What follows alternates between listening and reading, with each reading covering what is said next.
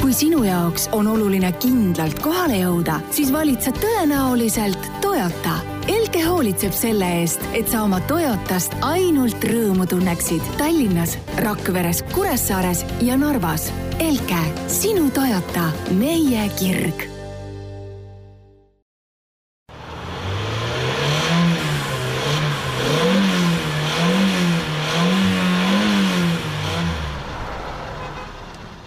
tere, armsad istmesoojenduse kuulajad, äh, taas on kolmapäev ja mina ja Veli oleme stuudiosse kokku tulnud, et äh, natukene puhuda autojuttu. ja täna me räägime teile siis sellistest asjadest, äh, kõigepealt me räägime teile viiest murekohast, millega politsei siis sellel aastal tegelema hakkab, siis räägime teile suurperede autotoetusest, mis õhus on, aga mille kohta täpsemalt keegi ju päriselt midagi ei tea, siis me räägime teile veel elektriautode laadimiskohtade direktiivist, mis on samamoodi selline tuleviku asi, mis siin võib-olla võib inimesi murelikuks teha. Äh, proovisõiduautot meil ei ole täna, äh, selle asemel on meil stuudios äh, Elkest Raido Rosenfeld, kes räägib meile natukene uutest Toyota kaubikutest ja, ja taustaks ka natukene muutustest Toyota garantii vallas, et selles osas on asjad nüüd palju paremaks minemas ja, ja kui siin juba uutest autodest saab äh, rääkida, siis äh, nipinurgas räägime sellest, et kuidas äh, selle uue auto sissesõitmine võiks toimuda ja, ja missuguseid reegleid selles suhtes silmas tuleks pidada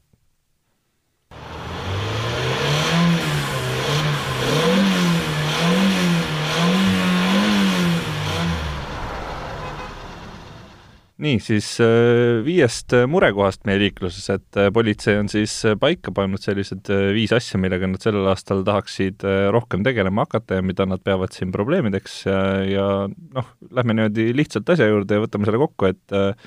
ega laias laastus siin on, need probleemid on täitsa olemas. Esimene probleem on kiiruseületajad, ehk siis eriti on fookus nendel, kes sõidavad pluss kümme, peavad seda normaalseks siis on roolijuudikud, äh, lihtsalt riskantselt sõitvad juhid, näiteks äh, inimesed, kes istuvad nutitelefonis, neljanda probleemina nähakse kergliikluse turvalisemaks muutmist ja, ja sellega tegelemist. ja, ja viies, viiendal kohal on jalakäijate turvalisus. Veli, mis sa arvad? midagi üllatavat siin nendes, selles nimistus tegelikult ei ole, et piirkiiruse jälgimisega sellele on keskendutud Äh, see on juba pikemat aega niikuinii, äh, samamoodi ka roolijoodikute ja selle fenomeni väljajuurimisele. Äh, uuendusena võib-olla mina, minu jaoks on see jah, kergliiklus, kergliikluse ja jalakäijate turvalisus pigem ja tegelikult see pluss kümne väljajuurimine ka on minu jaoks kõige rohkem seonduv just jalakäijate turvalisusega, sest jalakäija on just see esimene, kes, kes on nii-öelda kõige rohkem mõjutatud sellest, kui juhtub auto ja jalakäija kokkupõrge ja just siis juhiga, kes sõidab pluss kümme ma olen siin äh, just tabanud ennast viimastel päevadel sellelt mõttelt, et äh, ma sõitsin mööda, mööda ühte trassi, mida ma tavapäraselt sõidan ja ma avastasin, et seal oli kahte kohta oli pandud äh, kolmekümne märgid. mitte sellepärast, et noh, seal on kogu aeg olnud sellised, üks koht on S-kurv ja üks on lihtsalt selline noh, pime kurv natukene suurema pöörderaadiusega ja, ja tegelikult minu arust need kaks tegevust on nagu, töötavad üksteisele vastu. et äh, kui me võtame selle, et me teeme sellistesse kohtadesse kiirusepiiranguid juurde, kus on kolmkümmend, kus tegelikult võib-olla ei ole seda vaja, sellepärast et sealt kurvist saab äh, läbi sõita ka neljakümnega, neljakümne viiega, kui sul on äh, väike kompaktne auto, mis püsib hästi tee peal, siis mikski mitte ka viiekümne viie või isegi kuuekümnega siis äh, tegelikult see, kui äh, pannakse selliseid kiirusepiiranguid igale poole, see tekitab seda probleemi pigem juurde, ütleks mina. et noh, see kurv, konkreetne kurv, ma olen seal sõitnud ikka noh, ütleme niimoodi, et äh, põhimõtteliselt terve oma elu ma olen sellest kurvist läbi sõitnud. ma olen seal näinud heal juhul kaks või kolm korda autot kraavis Äh, mingisugust kõnniteed seal kõrval ei ole, see on, äh, kõnnitee on kraaviga eraldatud. seal ei ole tegelikult mitte mingit põhjust, miks sinna kolmkümmend panna ja, ja minu arust on nagu see, on see peamine probleem, millega peaks tegelema, et meil ei oleks neid äh, ebavajalikke kiirusepiiranguid, et ma noh, ma saan aru, et äh, see, see on oht mõnes mõttes, on ju, et kui seal on S-kurv, keegi lendab sinna sisse, aga selleks on ju teised märgid. selleks ei ole vaja kiirust alandada, vaid tegelikult on meil märgid, mis tähistavad nii ohtlikut kurvi kui ka ohtlikut S-kurvi, on ju, et äh, no Selles... see jääb, on ju, niisuguseks looduslikuks valikuks nii-öelda autojuhile, arvestades, et seal kõrval ei ole kergliiklusteed, on ju, või mingisugust jalakäijate käimise kohta. no ütle, ütleme niimoodi, et äh, mida, mida see kolmekümne märk tegelikult teeb, samamoodi lisaks äh, sellele, et meil on olemas äh, need S-kurvi ja, ja ohtlikku kurvi tähistavad märgid, siis tegelikult meil on olemas ka soovitusliku sõidukiiruse märk, mida saaks väga vabalt selles olukorras kasutada. pigem mina, mina alguses ka, kui sa hakkasid ütlema, et pandi uued märgid, mõtlesin ka, et kõlab kahtlast selle moodi, et kas tegu on soovituslike märkidega äkki, aga kui need on reaalsed piirangud, see on see, noh, samas see on muidugi jällegi raske töö siin äh, selle koha pealt äh, Maanteeametil, et nad peavad ju eeldama niisugust,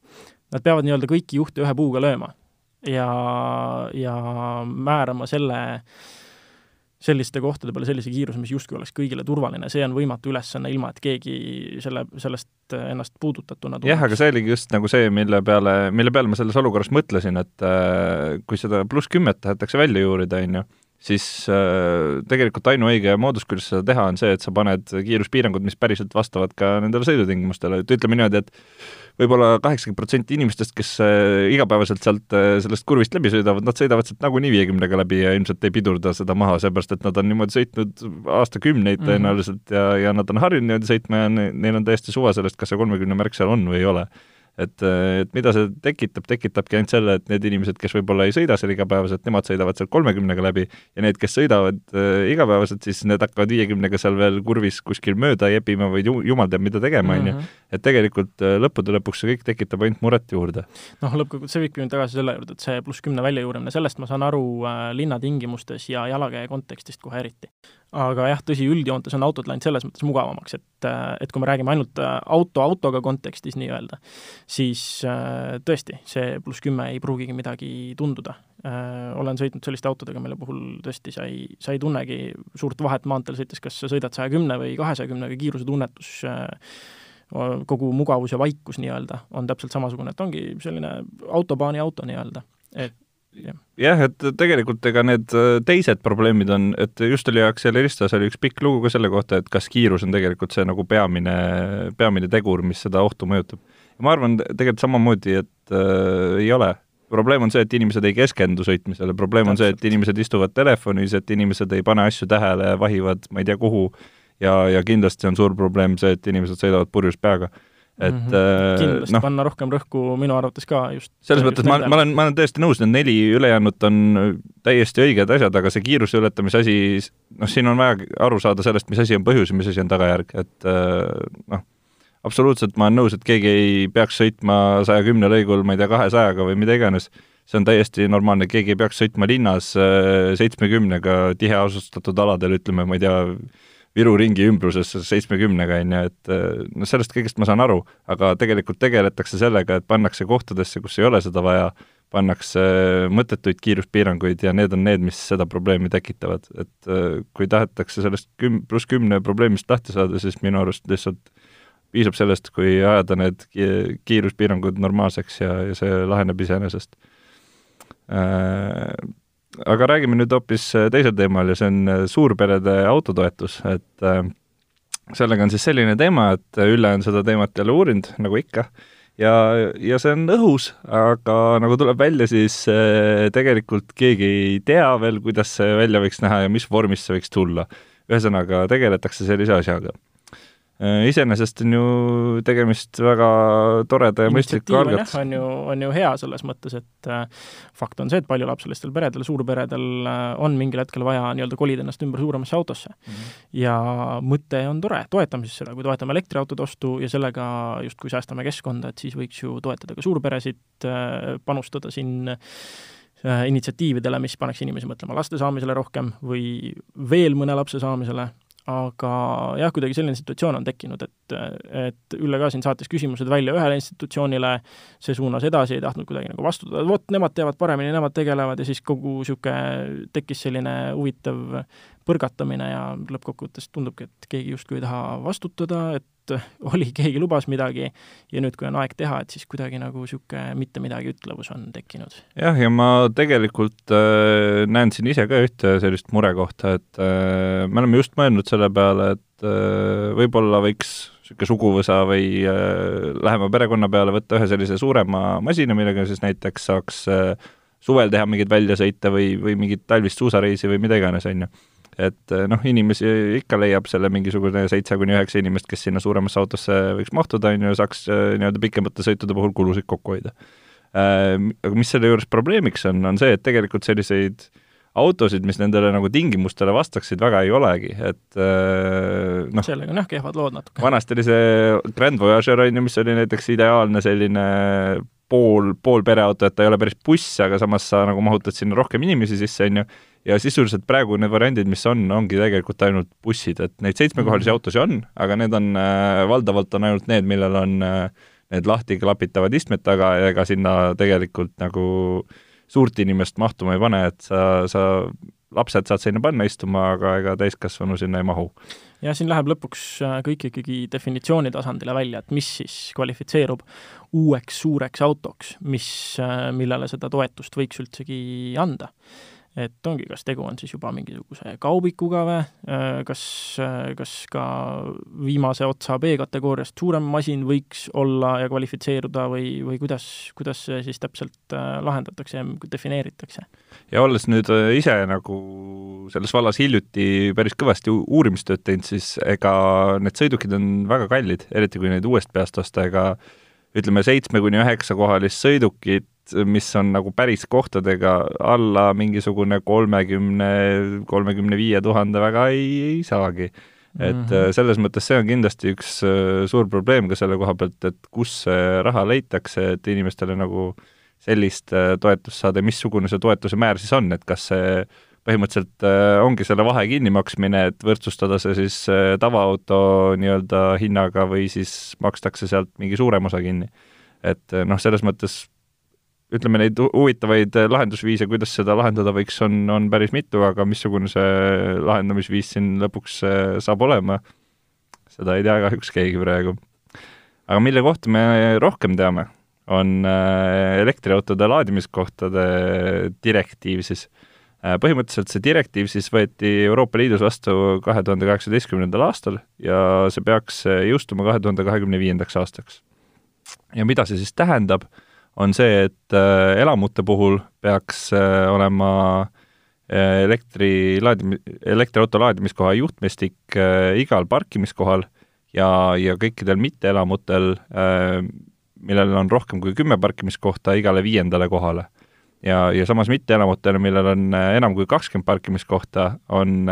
tulevikus kohustus rajada needsamad laadimiskohad ka ehitusväliselt, ehk siis äh, kui elamute ja nende mitteelamute puhul, millel on vähem kui kümme kohta või tähendab, vähem kui kakskümmend kohta, siis äh, see kehtib ainult uusarenduste puhul, aga mitteelamute puhul, kui on rohkem parkimiskohti, siis on äh, vaja need ka hiljem välja ehitada. et äh, mis sa arvad, kas see on, kas see ongi see imerohi, mis toob meile nüüd lõpuks need elektriautod ja, ja inimesed saavad neid ka päriselt kasutada ja laadida? no neid Äh, elektriauto laadimiskohtade juures olevaid järjekordi mina oma silmaga ei ole siiamaani veel näinud, aga fakt on ka see, et meie autopargist marginaalse osa hetkel moodustavad elektriautod või üleüldse nii-öelda mingit sorti pistikautod. ja noh, lisaks veel see variant, et äh, enamuse elektriautodega ja pistikhübriididega tuleb äh, juba ostes kaasa ka koduseks üleöö laadimiseks vajalikud juhtmed, et selles mõttes praeguse seisuga seda probleemi justkui ei ole, ma saan aru, et siin on valmistatud äh, ja valmistutakse siin suureks elektriautode sissevooluks, siis äh, noh, mis tegelikult äh, hinnanguliselt võiks juhtuda juba aastal võib-olla kaks tuhat kakskümmend kolm, kakskümmend neli, siis kui väidetavalt elektriautode hinnatase võib hakata juba võrdsustuma tavapäraste sisepõlemismootoriga autode hindadega ja kui see direktiiv siin kahe tuhande kahekümne viiendaks aastaks jõustub, siis, äh, siis noh, justkui on siin olemas see puhver, et siis kõik need, kogu see, kogu see elektriautode mass võiks, võiks saada laetud. muidugi tekib küsimus, et äh, mis, kuidas me selle massi siin defineerime nii-öelda ja mida nüüd äh, kõik üleöö laadivad masinad meie võrgukoormusega siis teevad täpselt aga samas meil on ju võib-olla lahendused juba olemas, et meil on siin just hiljuti on äh, nii Eleport kui ka Enefit Volt siin äh, jaganud kõvasti infot enda laadijate kohta ja lubanud, et hakatakse hullult palju laadijaid ehitama meile, et äh, üks ettevõtetest teeb koostööd Nestega, teine teeb Circle K-ga, et peaks kerkima laadijad täitsa sinna tanklate juurde, samamoodi on lubatud, et tulevad erinevate kaubanduskeskuste parklatesse laadijad ja üldiselt ka suurematesse parklatesse lihtsalt laadijad, et noh, viidatud on ka sellele samale asjale, et kuna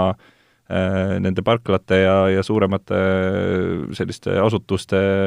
inimestel on nagunii huvi et äh, need asjad peavad mingi hetk tehtud saama, siis on äh, juba ka esimesed teenusepakkujad, kes äh, loodavad sellelt siis kasu lõigata, et ühesõnaga noh, et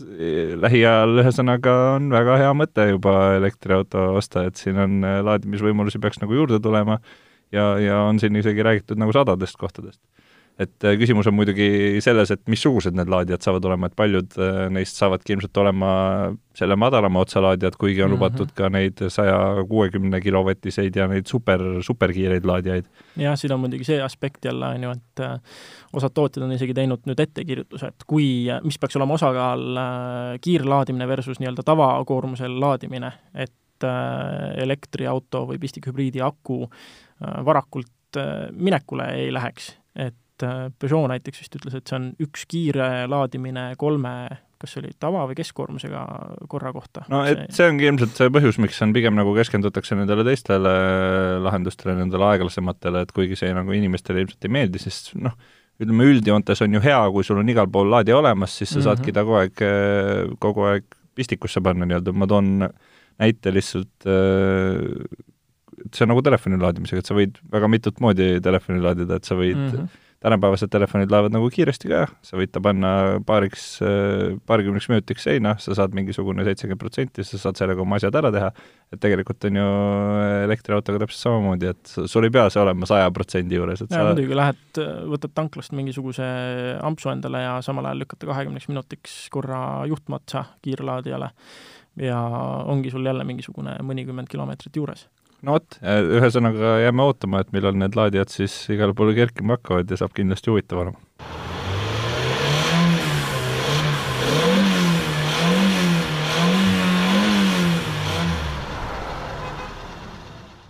ja nagu lubatud, siis meil on äh, stuudios meie toetaja, Elke esindaja Raido Rosenfeld, kes räägib meile siis äh, uuest Toyota kaubikust, Pro-Ace Cityst. Äh, Raido, räägi, millised äh, variandid meil üldse Pro-Ace Cityga olemas on?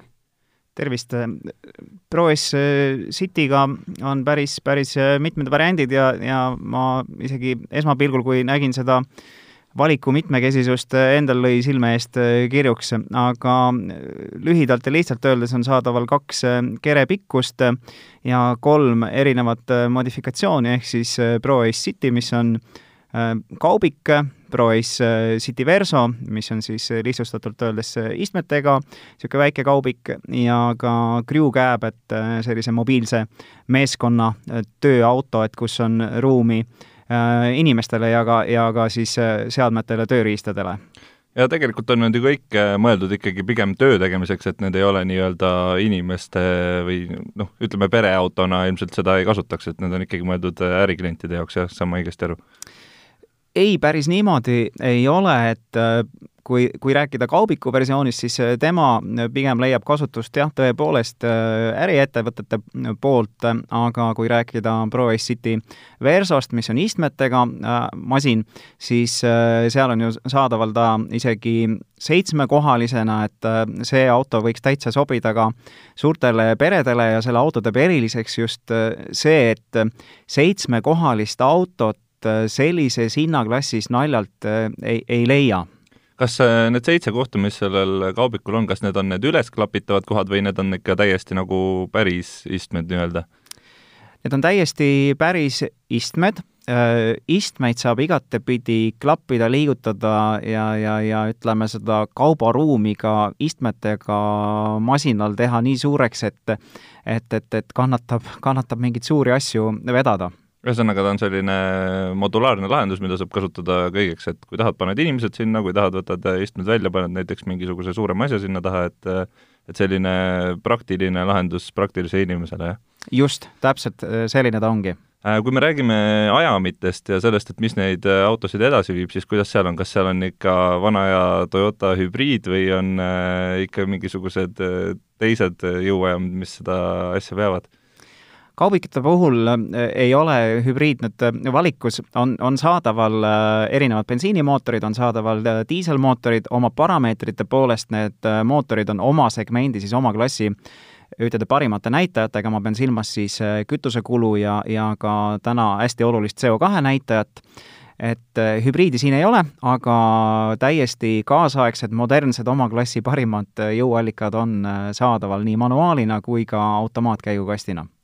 millal neid masinaid päriselt nüüd Eestis näha võiks või kui inimene, kes on nagu nüüd huvitatud, kellele võiks tunduda see auto see, mida ta otsib, millal ta neid saaks tulla Elke Mustakivisse näiteks vaatama? no mitte ainult Elke Mustakivisse, kogu Elke esinduste Äh, võrku võiks äh, tulla seda vaatama ja, ja esimesed äh, Pro-S City Versad jõuavadki meie salongidesse järgmisel nädalal. Ja järgmisel nädalal on siis ka selline proovisõidunädal, et mille raames saab proovida kõiki erinevaid mudeleid, on eripakkumisi palju ja on sellele samale Pro-S City Versole ka selline tutvumispakkumine, küll selle äh, Pro-S City Versoga järgmine nädal veel sõita ei saa, aga teda saab uudistada müügisalongides siis Narvas, Rakveres, Tallinnas, Mustamäel ja Mustakivis ja Kuressaares ka ja tegelikult sa siin enne varem mainisid, et äh, on üks hea põhjus veel, miks äh, nüüd sellel aastal võiks rohkem Toyota poole vaadata. jah, äh, seda vähesed teavad, paljud on oodanud. Toyota on oma toodete kvaliteedis ja töökindluses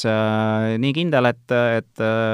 alates kahe tuhande kahekümnendast aastast on Toyota garantii viis aastat sada viiskümmend tuhat äh, kõikidele sõiduautodele ja kaubikutele siis on viis aastat äh, kakssada tuhat. lisaks äh, siis garantiile pikenes ka maanteeabi Eurocare kehtivusaeg, mis on nüüd siis kuni kümme aastat ja garantiist laiemalt rääkides, kasutuautod samamoodi, mis Toyota ja Elke salongidest välja lähevad, nendel on kaheaastane garantii mm. -hmm aga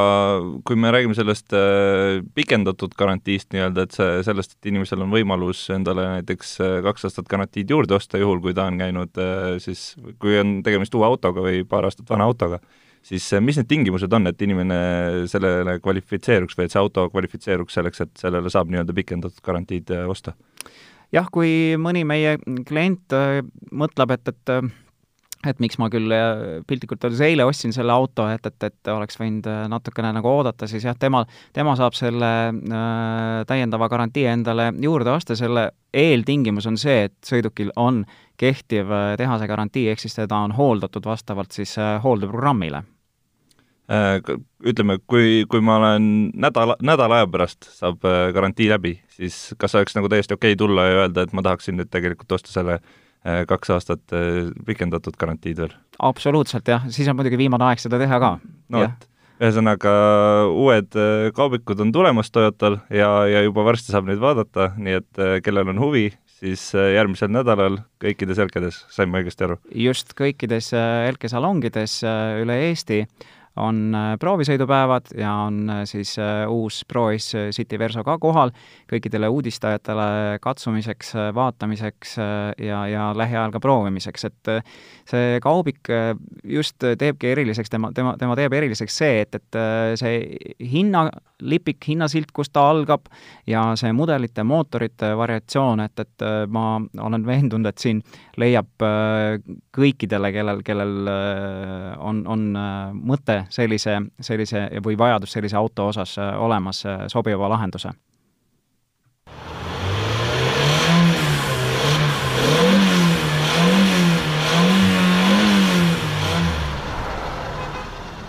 ja nüüd, kus uutest autodest on värskelt räägitud, on kohane rääkida ka sellest, kuidas neid uusi autosid siis äh, sisse sõita.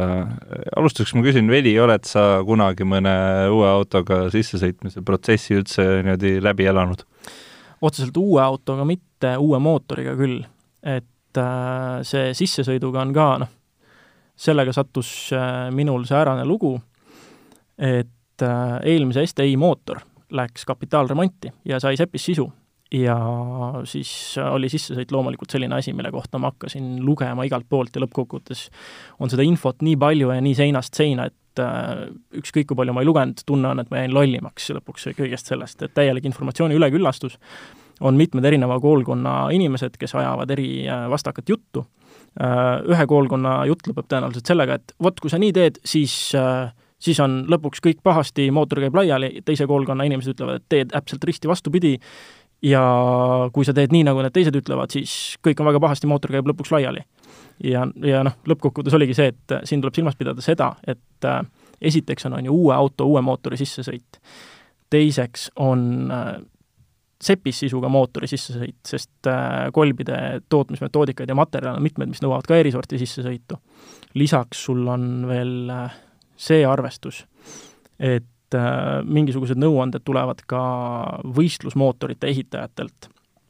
kes äh, soosivadki pigem niisugust jõhkrat sissesõitu. aga seal tuleb ka arvestada, et tavaliselt need mootorid äh, ehitatakse väga tihedalt äh, kapitaalselt ümber uue sisuga. et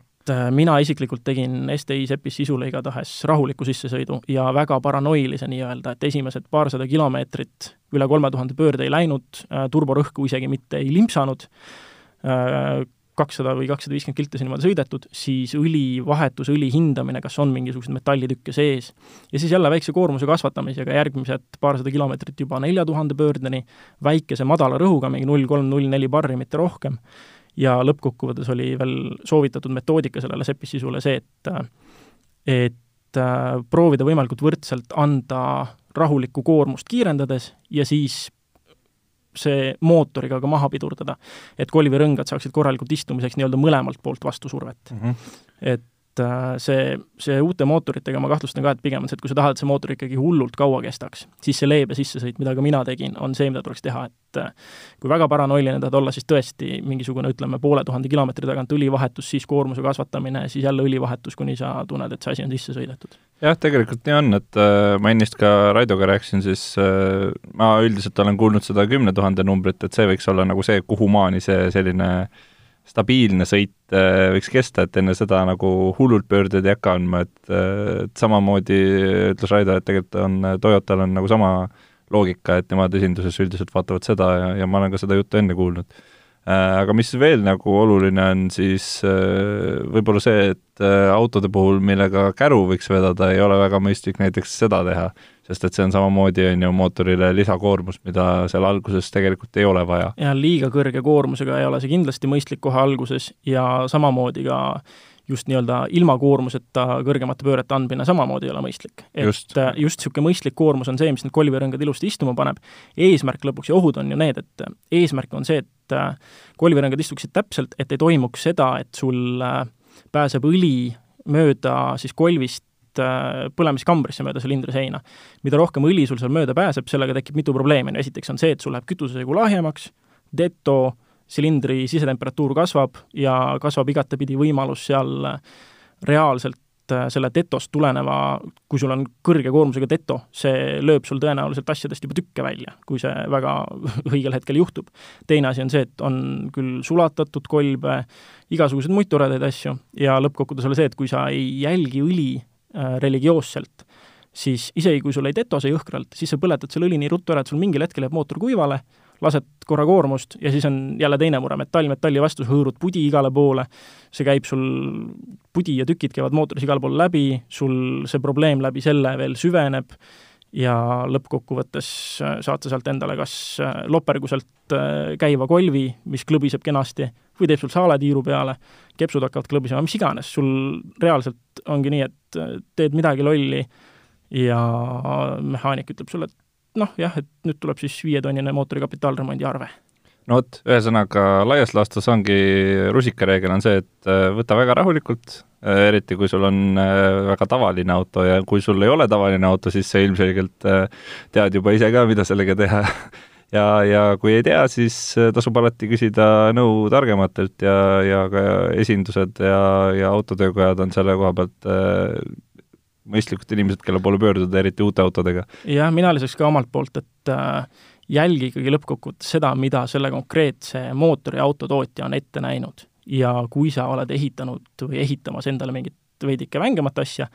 siis jälgi seda, mida ütlevad siis vastavalt näiteks mootori kolbide ja kepsude tootjad, et mida ja kuidas see sissesõidumetoodika võiks toimida.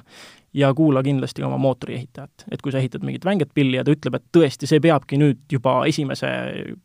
mõnekümne kilomeetri jooksul nägema kasvavat koormust ja kõrgeid pöördeid, siis tee seda ja usalda teda, aga ka see peab toimuma mingit sorti metoodika alusel, et see ei tähenda seda, et kohe, kui auto käima pannakse, lähed ja annad jõhkrat laba. samamoodi koormuseid kasvatades alguses a la kahe tuhande pöördeni pidurdad mootoriga maha mitu korda, jälgid vahepeal arvutisabas, siis juba kolme tuhande pöördeni ja nii edasi, see on metoodika alusel, mitte tuimalt anna laba, et noh, eks me siin lähema paari aasta jooksul tõenäoliselt näeme, mis juhtub nende nende demoautodega, mille, mille esimesed päevad on alanud Audru rajal mingitel pressiüritustel et eks me näeme, mis aledega need maha müüakse ja mis lood nende autode kohta siis kusagilt välja kooruvad. ilus see tõenäoliselt olema ei saa. ei saa, aga võtke nüüd see nädal rahulikult, sõitke rahulikult, nagu teeks sissesõitu ja, ja kuuleme juba järgmisel nädalal, aitäh kuulamast!